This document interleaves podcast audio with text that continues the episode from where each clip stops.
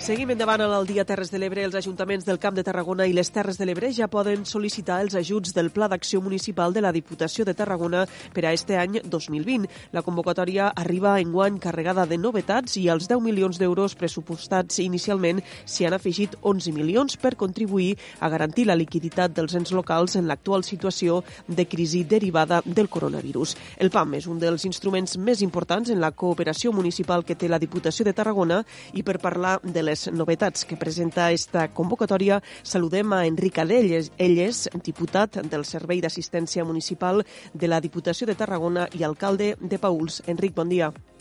Hola, molt bon dia. Com dèiem, els ajuntaments ja poden sol·licitar els ajuts del PAM, que esta legislatura presenta moltes novetats. D'entrada, la temporalitat dels ajuts ha canviat. Sí, la veritat és que com a novetat principal és que aquest PAM serà un PAM de mandat, és a dir, serà del 2020 al 2023, eh, canviar la temporalitat i també una de les altres novetats importants és la quantitat que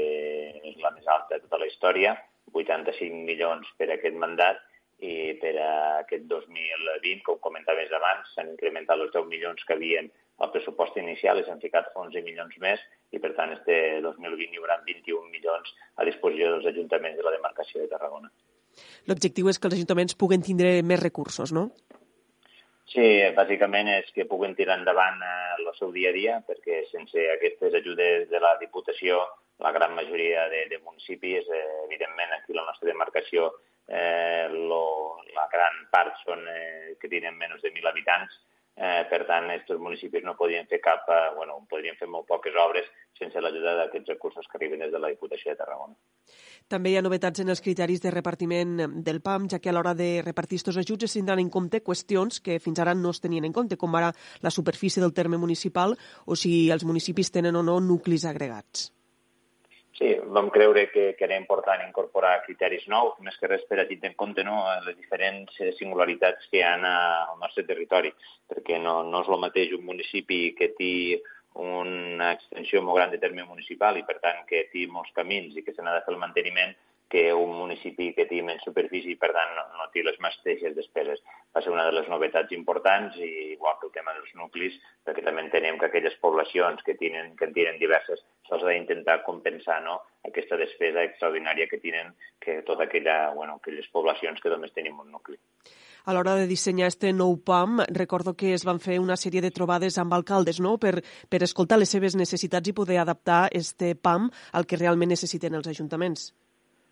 Sí, es van fer tro diferents trobades en les, bueno, a les 10 comarques de, de Tarragona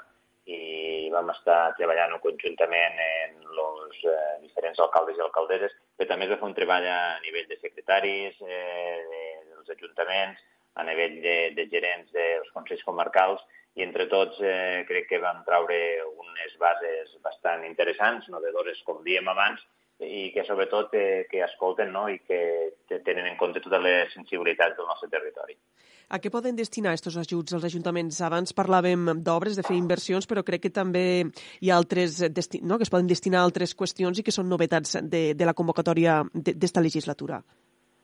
Sí, lo, la part principal del PAM és per a inversió, evidentment, eh, que en funció del tram de població han de destinar un percentatge mínim. Eh, el tall és a partir de 20.000, és a dir, aquelles poblacions de més de 20.000 han de destinar un percentatge i aquelles que tenen menys de 20.000 han de destinar un altre percentatge a la part d'inversió de, de l'import que ens ha tocat en aquest eh, mandat, en aquests quatre anys, i la, també una part molt important que és despesa corrent, és a dir, tot allò del dia a dia, aquelles reparacions, eh, edificis municipals, que aquí també es pot destinar recursos, però també se poden destinar al tema d'amortitzar préstecs, al tema de poder deixar tot el tema de l'endeutament municipal, el tema de que els tancaments d'exercicis de l'any 2019 en negatiu, per tant, intentar ficar al dia no, d'aquests ajuntaments que, per desgràcia, pot ser que ara es troben en una situació complicada, eh, se van fer eleccions el 2019 i, per tant, poden haver equips de govern nous que hagin heredat deutes eh, i situacions complexes. Per tant, una de les possibilitats d'aquest PAM també és poder eh, ficar recursos aquí per a poder començar eh, en una millor situació i poder afrontar aquest mandat en millors condicions. Deixem de banda el PAM. Des de la Diputació de Tarragona, en el marc de la crisi econòmica i social de la Covid-19, s'han pres diferents mesures per respondre a les necessitats dels ajuntaments, com per exemple no, garantir liquiditat o, o fins i tot flexibilitzar les obligacions tributàries de la ciutadania. Sí, eh, quan va començar tota la problemàtica del Covid vam prendre decisions i una d'estes va ser injectar 22 milions d'euros als ajuntaments en tema de bestretes a través de base per a que no tinguessin problemes de liquiditat, perquè es van paralitzar la gran majoria dels tributs, per no dir tots, i per tant els ajuntaments de cop automàticament si es paralitzen no es tenen ingressos. No? El que van fer la Diputació és continuar pagant aquestes bestretes als ajuntaments per a que poguessin fer front no, en aquest dia a dia, tot i aquesta paralització de tots els tributs i del calendari fiscal. Eh, a nivell de Diputació també van fer front a tots els pagaments dels proveïdors, crec que va superar els 1,6 milions d'euros i també es van posar en marxa diferents actuacions, no? a banda d'aquestes bestretes que es van fer arribar als ajuntaments per temes de liquiditat, també es van començar a fer tasques de desinfecció als municipis de la demarcació de menys de 1.000 habitants eh, cada dia estem parlant de 100 municipis a la demarcació de Tarragona. O també es van començar a distribuir EPIs eh, als municipis més petits, després se va ampliar la franja fins als de 5.000 i ara ja la tercera fase per a, se va permetre fer una comanda a través de la Diputació perquè eren molts ajuntaments i inclús també consells comarcals que ens demanaven que els ajudéssim per a poder aconseguir aquests materials que no eren fàcils, eh, encara a dia d'avui és complicat, depèn quin material poder-lo adquirir, i per tant la Diputació va fer una cosa que no s'havia fet mai, en aquest sentit que va ser, ha estat fer, perquè ens entenguéssim tots, com una central de compres, i a través de la Diputació els ajuntaments van fer una, una comanda conjunta i així també van poder aconseguir millors preus i també que tothom pogués aconseguir el material que necessitava. En el marc d'esta crisi de la Covid-19, una de les demandes recurrents del món local és la possibilitat de mobilitzar el superàvit dels ajuntaments i la flexibilització de la regla de la despesa o de la llei d'estabilitat pressupostària. Des de la Diputació i també com a alcalde m'imagino que es dona suport no, en aquestes demandes del món local. Sí, evidentment. És una demanda històrica que ja esperàvem que hagués estat feta per part del govern eh, central, del govern espanyol, però veiem que de moment encara no ho han fet i penso que ja s'haurien de posar les piles d'una vegada per totes i permetre no, totes eh, aquestes coses que, que he comentat ara, no? el tema de la flexibilització de la llei d'estabilitat pressupostària. La veritat que és un tema molt important i és un tema ara més que mai més necessari per a poder sortir no? eh, i recuperar la normalitat el més ràpid possible, perquè si no flexibilitzen totes aquestes prohibicions, tot aquestes, eh, aquest encoraçament que tenim el món municipal, no podrem ficar tots aquells recursos que volem per intentar revertir aquesta crisi que estem patint, perquè si no eh, en seguida incomplixes, en seguida trenques la regla de la despesa i això et limita i no pot ser moltes actuacions de les que voldries. Per tant, esperem que el govern espanyol, que eh, teòricament el, el govern que actualment progressista, esperem que sigui una de les coses que, que ja canvi en breu, perquè sí que fa setmanes que se'n parla, però de moment estem a mitjan maig i encara no s'ha fet. Sí, això ara li anava a dir, és a dir, portem ja dos mesos en estat d'alarma i encara no hi ha hagut resposta per part del govern espanyol a aquestes demandes del món local. No, no n'hi ha hagut i cada vegada les demandes, vull dir, ara crec que s'hi suma quasi bé la totalitat de la gent, perquè crec que és una cosa de sentit comú i quan les coses són de sentit comú, el normal és que les demani tothom, no? A veure què fan, eh, sé, la veritat eh, no, no ho entenc perquè no han flexibilitzat, de fet, inclús des d'Europa se'ls animava, vull dir, aquella Europa tan conservadora en aquests temes, eh, inclús i en una de les recomanacions que es feia, per tant, no entenc com encara no ho han fet, però bueno, esperem que mai és tard si s'arriba, el que passa que sí que es comença a fer una mica tard perquè portem dos mesos, més de dos mesos en estat d'alarma. Però bueno, sí, jo sempre sóc optimista i espero que algun dia rectifiqui.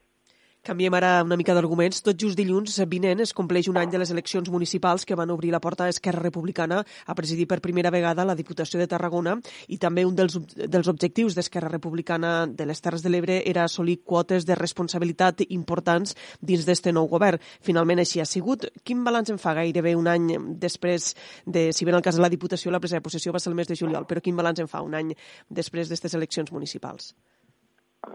Balanç que em faig és un balanç positiu. Eh, crec que s'han tirat endavant ja en aquest cas algunes actuacions i jo penso que el dia a dia... Jo fa poc que soc diputat, tampoc eh, tinc molta trajectòria política i porto d'alcalde, mira el que dius tu, no? la setmana que ve cinc anys i la meva trajectòria política és aquesta. Però la veritat és que el balanç que en fem és un balanç positiu. Estem eh, intentant eh, activar o ficar polítiques eh, a nivell de sostenibilitat, a nivell de efectes de fenòmens meteorològics també és una aposta molt important lligada al que et dia abans, el tema de la sostenibilitat, i per tant el balanç és positiu i esperem continuar treballant en la mateixa direcció aquests tres anys que ens queden de mandat perquè al final, quan arribéssim al 2023, no, eh, poguéssim mirar atrás i estar contents de la feina feta i crec que el PAM que parlàvem abans, tot el tema de les actuacions que estan fent ara per la Covid, jo crec que hem d'estar contents, tot és millorable la vida i penso que també eh, quan passen unes setmanes has d'analitzar les coses que has fet per intentar corregir-les i millorar-les, però el balanç que em faig a dia d'avui, que si bé eh, un any després, és molt positiu. Vostè ara ens recordava que és també alcalde de Pauls. Tot just abans en parlàvem a l'informatiu de l'Aldia Terres de l'Ebre que des de l'Ajuntament de Pauls s'ha posat en marxa una web municipal per promocionar la cirera i els productors locals. Sí, esta setmana vam plantejar o vam pre presentar este projecte nou, lo de la cirera de Pouls.cat, aquesta pàgina web que agrupa vuit productors de cirera. Aquest any n'han entrat vuit perquè per circumstàncies de les pluges que han anat molt bé per altres coses que feien molta falta, perquè la veritat és que portàvem uns anys molt complicats eh, i ara per sort ha pogut molt. El que passa que la cirera, pues, està igual al principi, la, la primerenca l'ha afectat, i ara veurem que, com va la part, eh, bueno, encara estem a, no arribem a la meitat de, de la campanya, esperem que ara ja el temps canvi una mica i la producció se pugui recuperar i la pagesia pugui treure aquest producte. I, I la idea era una idea que portàvem des de molts anys i creiem que ha tingut molt bona acollida. Hem posat en marxa aquesta web i segurament eh, en breu també tindrem novetats al respecte de la festa cirera. Intentarem fer coses noves per adaptar-nos a les circumstàncies que ens toca viure del coronavirus i intentarem fer, continuar promocionant i dinamitzant el nostre poble sense deixar de banda, com no pot ser d'una altra manera, no? tota la cultura i la tradició local que la part cultural també s'ha vist molt afectada. Això li anava a preguntar ara, és a dir, la festa de la Cirera estava prevista per al 6 i 7 de juny, s'ha suspès, però i s'està preparant no? tota una sèrie d'activitats en línia. Sí, la, estem treballant en aquesta direcció. Hem dit que espero en breu ja poder presentar totes les novetats i el que acabarem fent este 2020 i ens hem de reformular tots, ens hem de reinventar i, i per tant creiem que no podem estar parats i ens hem d'adaptar a la realitat que ens toca viure. Eh, perquè si estem parats no ajudem a solucionar el problema. Per tant, ens reinventem i en breu tindrem una programació, intentarem fer una festa de la cirera online i que la gent pugui gaudir. Eh, per això es va ficar la web en marxa de la cirera, que la pugui adquirir, que, que tingui els contactes d'aquests productors per a que se pugui assegurar que realment compra aquesta cirera de Pauls i ara també mirarem de fer activitats per a continuar bé, eh, mantenint aquesta, aquesta la cirera en marxa. Doncs estarem pendents d'aquestes activitats eh, en motiu de la Festa de la Cirera de Pauls. Enric Adell, diputat del Servei d'Assistència Municipal de la Diputació de Tarragona i alcalde de Pauls, gràcies per ser avui a l'Aldia Terres de l'Ebre. Gràcies a vosaltres per convidar-me. Molt bon dia.